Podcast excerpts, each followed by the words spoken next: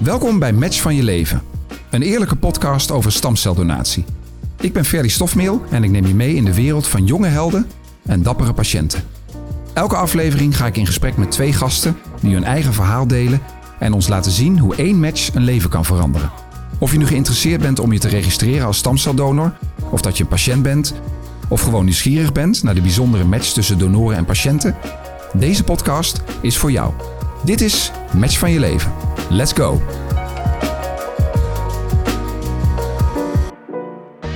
Fijn dat je weer luistert. Vandaag hebben we weer een mooi onderwerp op de agenda staan. We gaan het namelijk hebben over matchmaking. En dan bedoel ik in dit geval niet de dating apps, maar dan gaan we het hebben over de match tussen een donor en een patiënt. Bij ons aangeschoven is uh, Anke Redeker. Welkom Anke. Dankjewel. Ja, Anke, jij werkt bij Matches als search coördinator. En dat betekent dat als er voor een patiënt een donor nodig is, jij op zoek gaat in de databank. Ja, zeker. Ja, uh, nou de meeste mensen kennen Matches als de donorbank. Dus dat hè, Matches is echt voor de donor. Maar jullie zijn het dus juist voor de patiënt. Ja, voor de, voor de Nederlandse patiënt. Voor de Nederlandse patiënt, ja. ja. heel goed. Nou, we gaan het zo uitgebreid hebben over hoe dat in zijn werk gaat. En hoe je dus weet wie de beste match is. Uh, op dit moment staan er wereldwijd 40 miljoen donoren geregistreerd. Dat ja. lijkt misschien veel, maar dat zijn eigenlijk te weinig stamceldonoren om voor alle patiënten een match te kunnen vinden. En mijn tweede gast, Marlon Etnel, jij weet er alles van. Uh, want Marlon, ja. voor jou is in de wereldwijde databank nog geen match gevonden. Helaas nog niet. Nee. Nou, jij ook van harte welkom. Uh, heel fijn en bijzonder dat je hier bent om, uh, om jouw verhaal met ons te delen. Dankjewel, fijn om hier te zijn. Ja, Marlon, zoals je hier nu tegenover me zit, zou ik niet meteen zeggen dat je ziek bent. Nee, dat klopt. Dat is het, hetgene wat ik uh, uh, vaak genoeg uh, krijg te horen. Ja. Gewoon, we zien overal dat je, dat je op zoek bent naar een donor, omdat je dan ziek bent. Ja. maar zo oogt het niet. Nee, want zonder met je te willen flirten, je ziet er goed uit. Ja. maar je bent wel ziek. Ja, klopt. Uh, op dit moment is de ziekte wel in remissie. Maar inderdaad, uh, vier jaar geleden is uh, lymfeklier, een lymf vorm van lymfeklierkanker bij mij geconstateerd. Ja. daar heb ik een behandeling voor gehad. helaas is dat niet de, de, juiste oplossing, of tenminste heeft het niet geholpen. waardoor ik dus nu op zoek ben naar een donor om mij te helpen. Ja, want op dit moment is er dus geen donor voor jou beschikbaar. Nee, dat klopt. Hoe ja. voelt dat dan? Um, nou ja, aan de ene kant is dat natuurlijk heel vervelend, want je weet, ja, het kan een keer gewoon uh, verkeerd lopen, verkeerd aflopen. Op dit moment gebruik ik medicatie die de ziekte remt, de ziekte onderdrukt. Uh, maar dat, daar zit ook een houdbaarheidsdatum aan vast. Wanneer die is, weten we niet. Dus dan hoop je natuurlijk dat de donor gevonden is voordat de houdbaarheidsdatum bereikt is. Um, en zo sta ik eigenlijk ook in het leven. Op dit moment gaat het goed. Zolang het goed gaat, maak ik me niet zo druk over. Nee. nee, want je zegt het gaat op dit moment goed en dat komt door ja. de medicatie. Klopt. Maar er is wel iets bijzonders met die medicatie. Want op het moment dat jij hem kreeg, werd er voorspeld... Ja. Waarschijnlijk is het anderhalf jaar werkzaam. Nou, dat is het bericht wat ik uh, gekregen heb, uh, meegekregen heb. Op basis van de studie die gedaan is, is het, heeft het een werking van gemiddeld anderhalf jaar. Nou, ik slik uh, de medicatie nu al bijna vier jaar. Augustus is het vier jaar. Dus ik zit aan de bovenkant van dat gemiddelde. Uh, maar ik heb me ook laten vertellen dat er ook patiënten zijn die inmiddels al zes jaar uh, de medicatie slikken. Dus het, het kan wat langer duren. dus dan hoop je gewoon dat het ook gewoon zo lang gaat duren. maar je wilt er natuurlijk ook vanaf. Ja. je wilt gewoon dat je wel die donor vindt en dat je in één keer er vanaf bent. Dus degene die ook daar 100% matcht. Ja. En Anke, wanneer spreken we nou van, van een match? Wat, wat moet er dan precies matchen? Nou, hetgene wat er moet matchen, dat is, uh, zijn de HLA-eiwitten. Um, heel veel mensen weten eigenlijk niet wat HLA-eiwitten zijn. Nou, dat was bijvoorbeeld de vraag. Wat zijn HLA-eiwitten? ja, dat zijn uh, eiwitjes die zitten eigenlijk op de buitenkant van bijna al je, al je lichaamcellen. En ja, je kan ze met de blote oog niet zien, maar ze zijn echt super belangrijk voor je afweer. Um, je immuunsysteem gebruikt eigenlijk HLA om te kunnen zien uh, of er iets in je lichaam is wat er niet hoort, zoals bijvoorbeeld een virus. En dan uh, kan het dan gaan opruimen. En die HLA-eiwitten die, uh, die moeten eigenlijk matchen tussen, tussen patiënt en donor.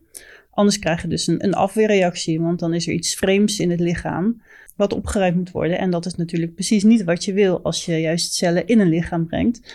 En die eiwitjes, ja, er zijn tienduizenden verschillende HLA-eiwitjes. En de meeste mensen hebben er um, tien verschillende. Maar die tien verschillende moeten dus eigenlijk het liefst hetzelfde zijn tussen patiënt en donor. Maar er zijn zo ontzettend veel combinaties mogelijk, dat het dus echt een uitdaging kan zijn om dat, uh, om dat te matchen. Ja. ja, dus als ik je goed begrijp, als je gaat kijken naar een match, gaat het niet zozeer om de bloedgroep, Nee, zeker niet. Het gaat om de HLA-eiwitten. Dat zorgt voor je afweersysteem.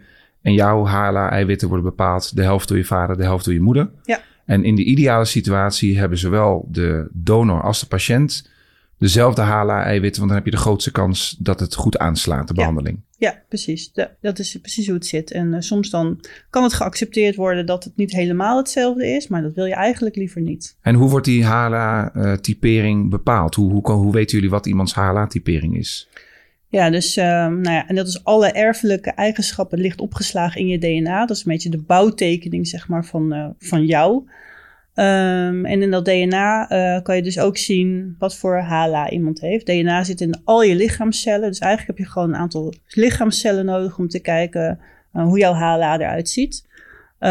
Voor donoren wordt dat in eerste instantie bepaald door wangslijmvlies. Dus je krijgt gewoon een wattenstaafje. Dan ga je langs de kant van je, van je wang en die stuur je op.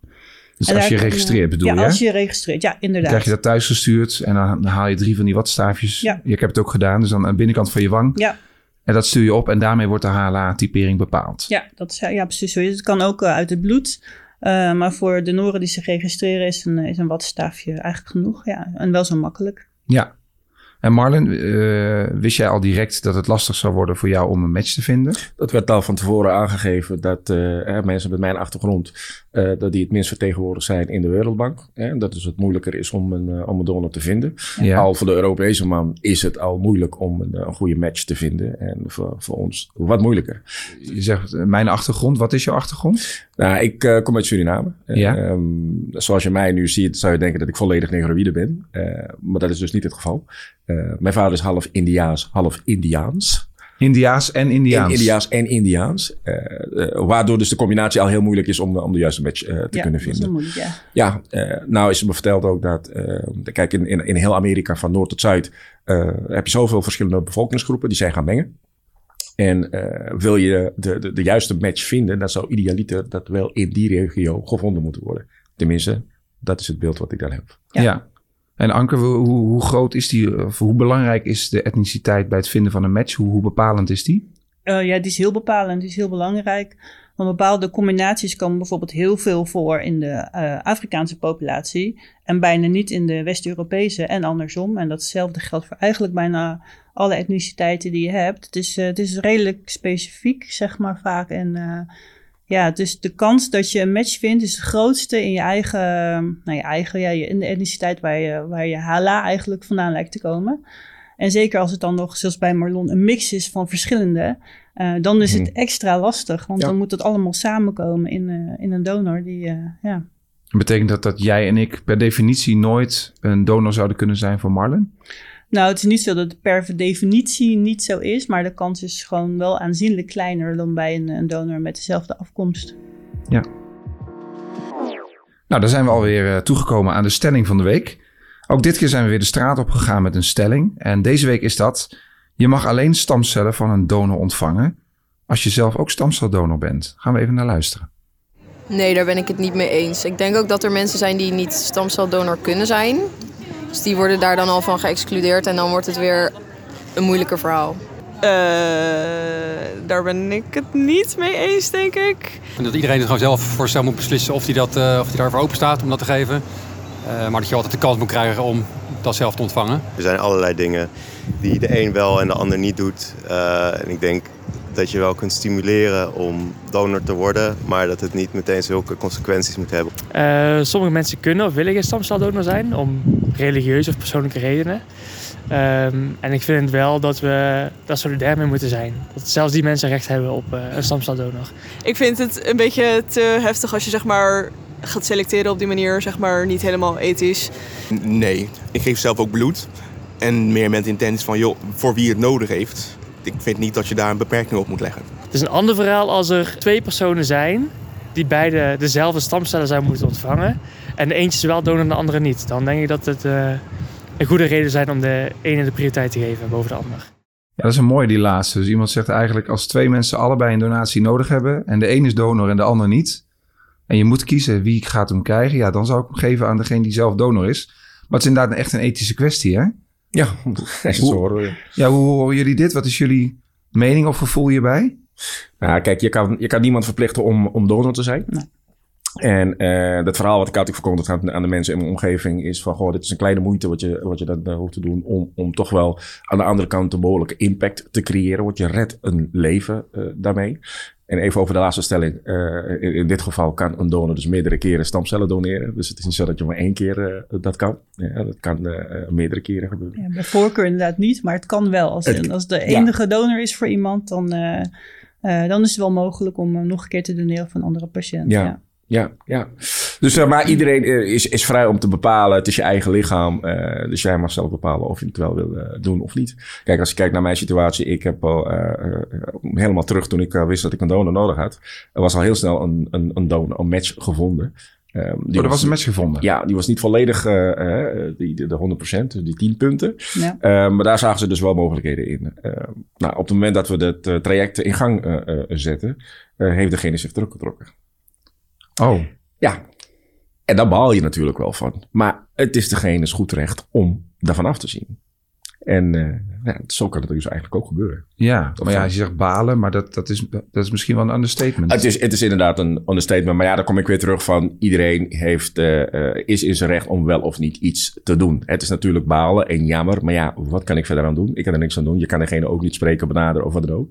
Het liefst zeg je van ja, hier heb je een ton of wat dan ook. help me alsjeblieft. Doe het. Ja. Maar dat gaat dus niet of dat kan dus niet. Um, en ja, je zet je eroverheen en je gaat gewoon verder.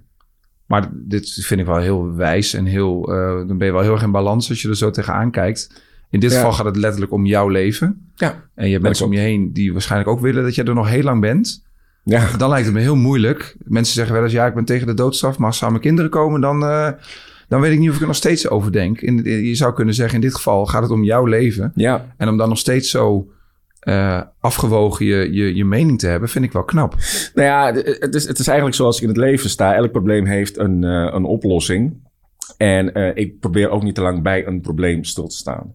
Uh, probeer altijd vooruit te kijken. Hè? Als, het, uh, als het gebeurd is, is het gebeurd. Je kan het niet terugdraaien. Hè? Hetzelfde geldt degene die zich teruggetrokken heeft. Ik kan het niet terugdraaien. Dat is de keuze die degene gemaakt heeft. Dus je gaat gewoon verder kijken voor wat allemaal mogelijk is. En zolang ik weet dat er oplossingen zijn, zal ik altijd positief blijven.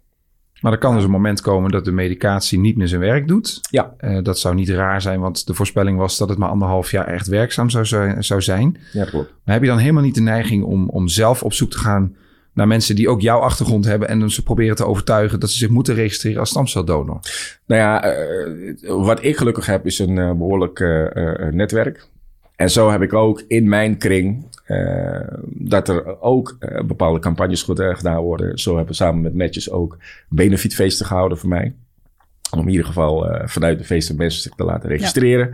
Ja. om te kijken of daar u een match uit zou komen. Op een positieve manier aandacht vragen ja. om dit aan te pakken. Ja.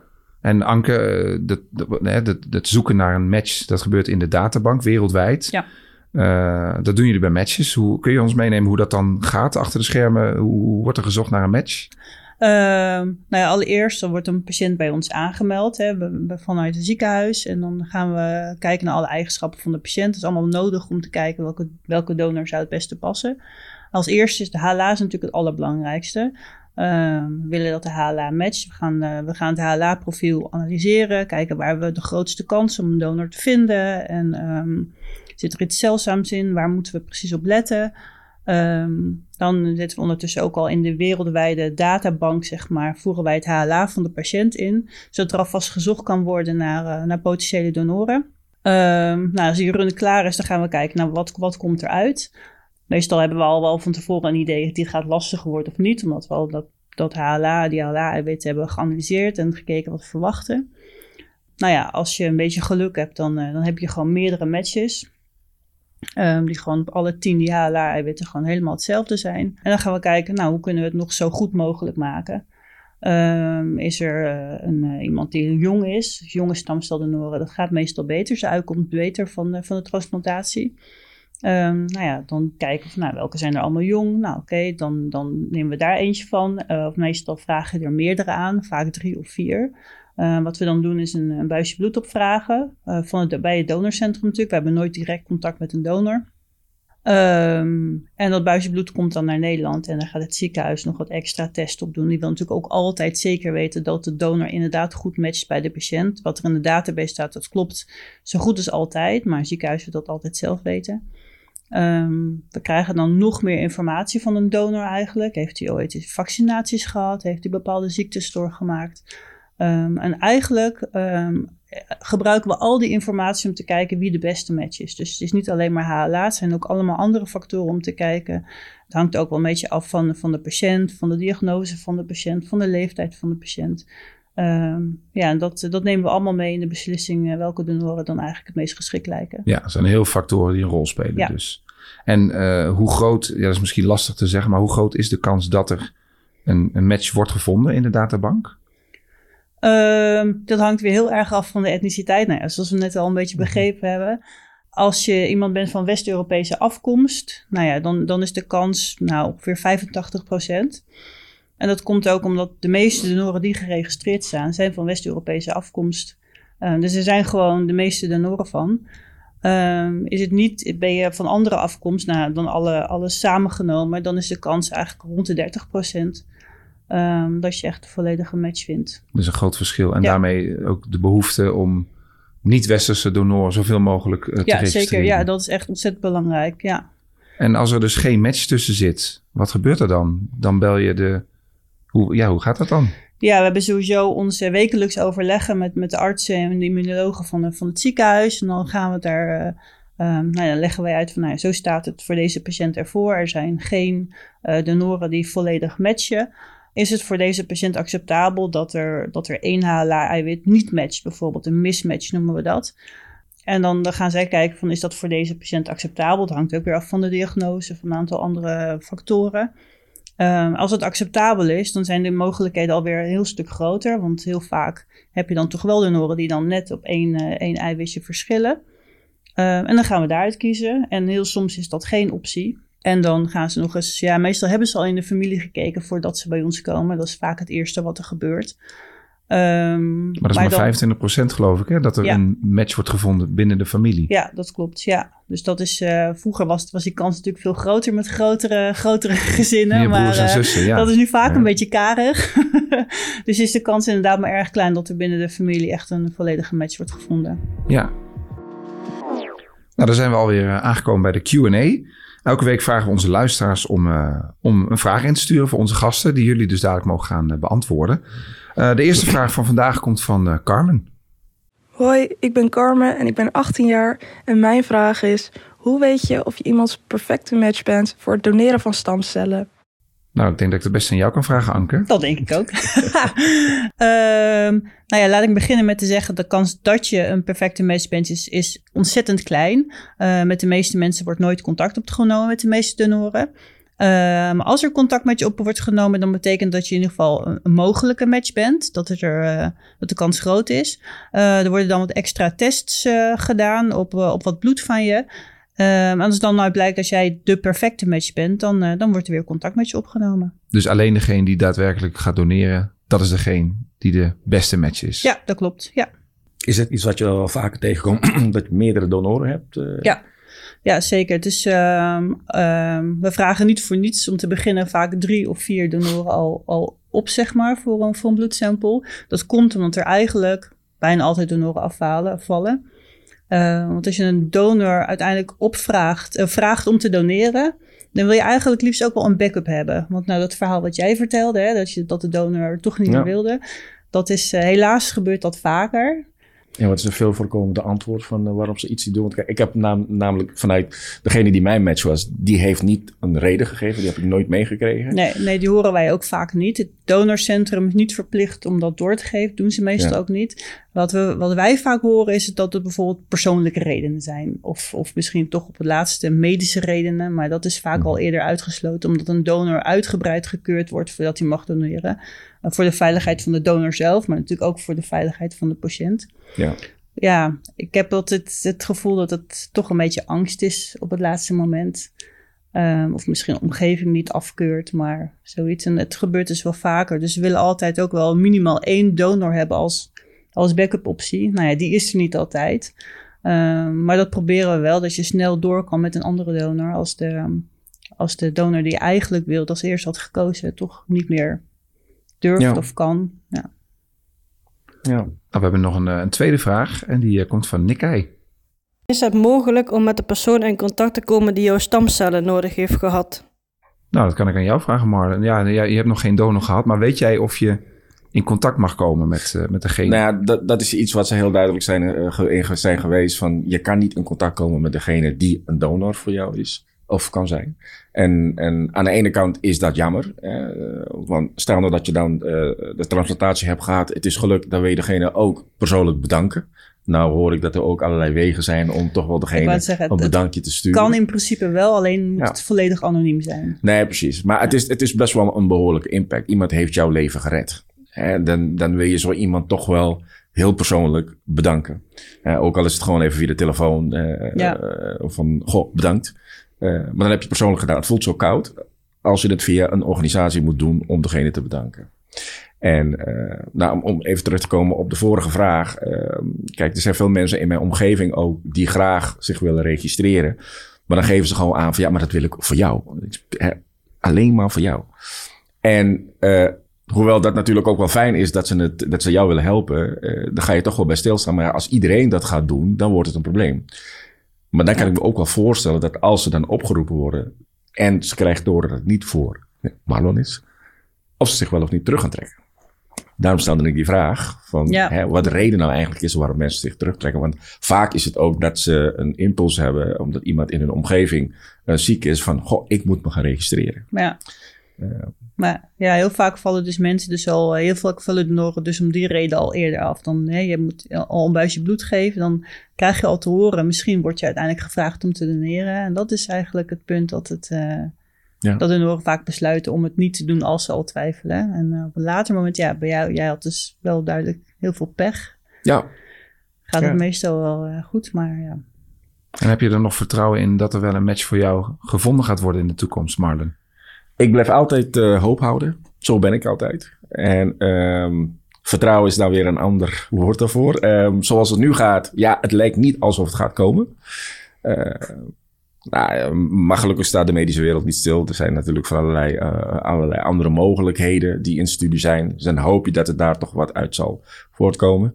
Eh, maar dat weet je nog niet. Ehm, dus ja, ik hoop gewoon nog altijd dat ik eh, die ene match vind. Ja, want Anke, komt het inderdaad wel eens voor dat er in eerste instantie geen match is voor iemand en dat er later alsnog een match gevonden wordt? Ja, ja zeker. Het is, eh, ik, ik had het niet zo lang geleden nog eh, voor een patiënt die eh, ging ik opnieuw kijken. En toen ineens toen, was er een, een hele jonge donor bijgekomen die waarschijnlijk net ingeschreven was. En die, die heeft uiteindelijk ook gedoneerd. En ehm, ja, dat is, dat is natuurlijk heel fijn als het dan toch lukt. Als je toch denkt, nou, we gaan nog eens kijken. En dan, eh, dan is er ineens iemand. Ja, dus Ja. Het, het gebeurt wel eens. Hoe, hoe, hoe vaak wordt er naar gekeken? Bij mij zijn er natuurlijk, eh, het is allemaal vertaald in een bepaalde code, neem ik aan. Ik sta ergens in een databank. Ja. In, in mijn beleving, eh, dan ga ik gelijk weer in de software term denken, dat er een of andere robotisering ingeschoten is in het systeem. Dan gaat kijken op de code, iedere dag, iedere uur. Van, Ja, je zou verwachten, die moet Ja. gewoon 24-7 Precies. En dan- draaien. En bij elke Ja. nieuwe donor die binnenkomt, meteen kijken, is, dat, is Ja, dit een match voor match. iemand ergens op de wereld? Ja, Ja. goede vraag. Ja, het is eh, ehm, die, die donorbank, zeg maar, waar wij, dan, waar wij dan in zoeken. Wij, wij voeren dan de patiëntgegevens in en dan wordt er in die donorbank gezocht. Die donorbank die geeft ook aan als er inderdaad nieuwe, eh, nieuwe matches zijn, zijn binnengekomen. Ehm, dus dat gaat in principe wel door. Ehm, het is, we kunnen niet voor alle patiënten te alle tijden in de gaten blijven houden eh, op welk moment er precies wat bij is gekomen. Maar ehm, dat gebeurt wel vaak. We hebben natuurlijk wekelijks meer, nou ja, eigenlijk bijna dagelijks contact met alle ziekenhuizen waarvoor wij, eh, waarvoor wij dit doen. En er wordt ook regelmatig gevraagd van, nou ja, ehm, hoe kun je nog eens kijken voor die patiënt? En is daar een match voor gevonden? En dus dat gaat wel eigenlijk altijd door. Die database, die, eh, die geeft, die, die, ja, er komen nieuwe, nieuwe donoren in. En eh, als er nieuwe donoren bij zijn gekomen voor een patiënt, dan zien wij dat ook. Dat Dus gaat wel wordt- automatisch. Jullie krijgen automatisch een melding. Nee, we moeten wel, bij, we moeten wel ehm, bij die patiënt kijken, zeg maar, die we dan hebben ingevoerd. En dan zie je wel dat er nieuwe donoren bij zijn gekomen. De behandelend artsen zijn daar in de lead, om het maar zo te zeggen. Eh, die, ehm, eh, wij zijn in die zin dienstverlenend uh, naar, de, naar de ziekenhuizen. Dus de arts die bepaalt van, nou ja, uh, er, moet, er moet even opnieuw gekeken worden uh, voor deze patiënt. En zolang een patiënt um, op die manier ja, actief blijft, zeg maar, wordt regelmatig besproken, dan blijven wij ook kijken. Als een ziekenhuis zegt, nou deze patiënt, daar hoeft nu even niks mee. Um, om wat voor reden dan ook, omdat het uitgesteld is, dan, um, dan doen wij ook even niks. Maar het is dus de behandelend arts die hier de lead in heeft. Ja. Um, en dan ons laat weten, voor deze patiënt moet nu opnieuw gekeken worden bijvoorbeeld. Marlen, wat, wat zou jij willen zeggen tegen mensen die nog twijfelen of ze wel of, geen, of ze zich wel of niet willen registreren als donor? Um, nou ja, uh, vandaag ben ik het. Hè? En vele anderen met mij. Uh, jij bent nu gezond, maar morgen kan jij gewoon aan de beurt zijn of iemand in je directe omgeving. Hoe fijn zou het zijn dat als dat gebeurt, je in een database makkelijk een match zou kunnen vinden. Uh, wat ik altijd zeg, wat ik net ook al aangegeven heb, het is een kleine moeite voor jou om je te registreren. Maar aan de andere kant, degene die het nodig heeft, is het een behoorlijke impact. Je redt een leven daarmee. Hoe fijn is het om een leven te redden? Met relatief een simpele ingreep. Ja, heel duidelijk. En hoe kijk je nu naar je toekomst? Nog altijd rooskleurig. Ik heb me ooit laten vertellen dat ik 98 word. Daar ga ik voor. Kijk. nou, dat teken ik ook voor. Hè. Gezond of niet. Wil ik ook wel, ja. 98 wil ik ook wel worden. Nou ja, we hebben het vandaag uitgebreid gehad over het hele proces. Uh, in jouw geval hè, van het zoeken naar een donor. En in jouw geval, nou ja, dat is jouw werk om, om, om die match te vinden. Het maken van een match. Um, is er nog een vraag die ik niet heb gesteld aan jullie, waarvan jullie hadden gehoopt dat ik dat zou vragen, dan konden jullie daar een mooi antwoord op geven? Of hebben jullie nog een vraag aan elkaar die ik niet gesteld heb? Nou ja, de belangrijkste vraag heb ik nu net uh, al gesteld. Hè, van hoe vaak wordt er nou gezocht? Ja. Uh, ik, ik, ben natuurlijk degene die daarop wacht. Dan heb ik nog een andere vraag uh, aan Ankara. er zijn heel veel landen die geen organisaties zoals een Matches ja, hebben. klopt. Maar een Matches is ook, ook aangesloten bij een Wereldbank. Ja. Zijn er vanuit de Wereldbank acties, campagnes om bij die landen waar dus geen uh, organisatie is, om daar acties te doen of daar iets op te zetten? Ja, nou, dat, is, dat is zeker wel, wel gaande. En uh, ik ben als laatste een congres van die, orga, van, van die organisatie. Daar heb ik ook al mensen gesproken die in, in, in, in kleine landen waar eigenlijk niks was, bezig zijn om donorbank op te zetten. Um, wat wel vaak lastig is natuurlijk. Je moet van nul aan beginnen. En vaak zijn, dat, zijn dat landen waar het uh, logistiek ook nog best wel lastig kan zijn. En de initiatieven, die, die zijn er zeker. Um, het is wel vaak bijvoorbeeld in, in, in, als je kijkt in Afrika, daar zijn bijna geen donorbanken. In Zuid-Afrika zit iets. Um, maar in heel veel van zulke landen uh, zijn er ook andere dingen Um, er zijn heel veel andere dingen die, die meer prioriteit hebben, zeg maar. Um, ja. Andere issues uh, waardoor zulke dingen niet van de grond komen. En het wordt wel geprobeerd, maar het is, het is erg lastig. Als je bijvoorbeeld ook al heel veel armoede hebt, bijvoorbeeld, dan is een donorbank opzetten niet, het, niet je grootste prioriteit. Maar er zijn, er zijn zeker initiatieven, maar het gaat wel moeizaam. Ja, ja. mooie vraag. Dank voor deze toevoeging. Ja, hele goede. Ik wou dat ik hem bedacht had, maar jij hebt hem bedacht. dus het uh, is goed dat ik even vroeg van, hebben jullie nog een vraag? Want dit was een hele mooie uh, afsluiter.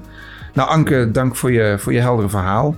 En uh, Marlon, jij heel veel sterkte. Ik, ja, fijn dat je hier jouw verhaal vandaag met ons wilde delen. Uh, nou, we gaan voor de 98, hebben we net gezegd. Rooskleurig, hashtag rooskleurig. Zeker. En uh, ik hoop dat heel veel mensen zich als uh, nieuwe donor zullen aanmelden, mede door jouw persoonlijke verhaal. Hoop ik ook. Dank jullie wel. Nou, en tegen de luisteraars zeg ik dank jullie wel voor het luisteren.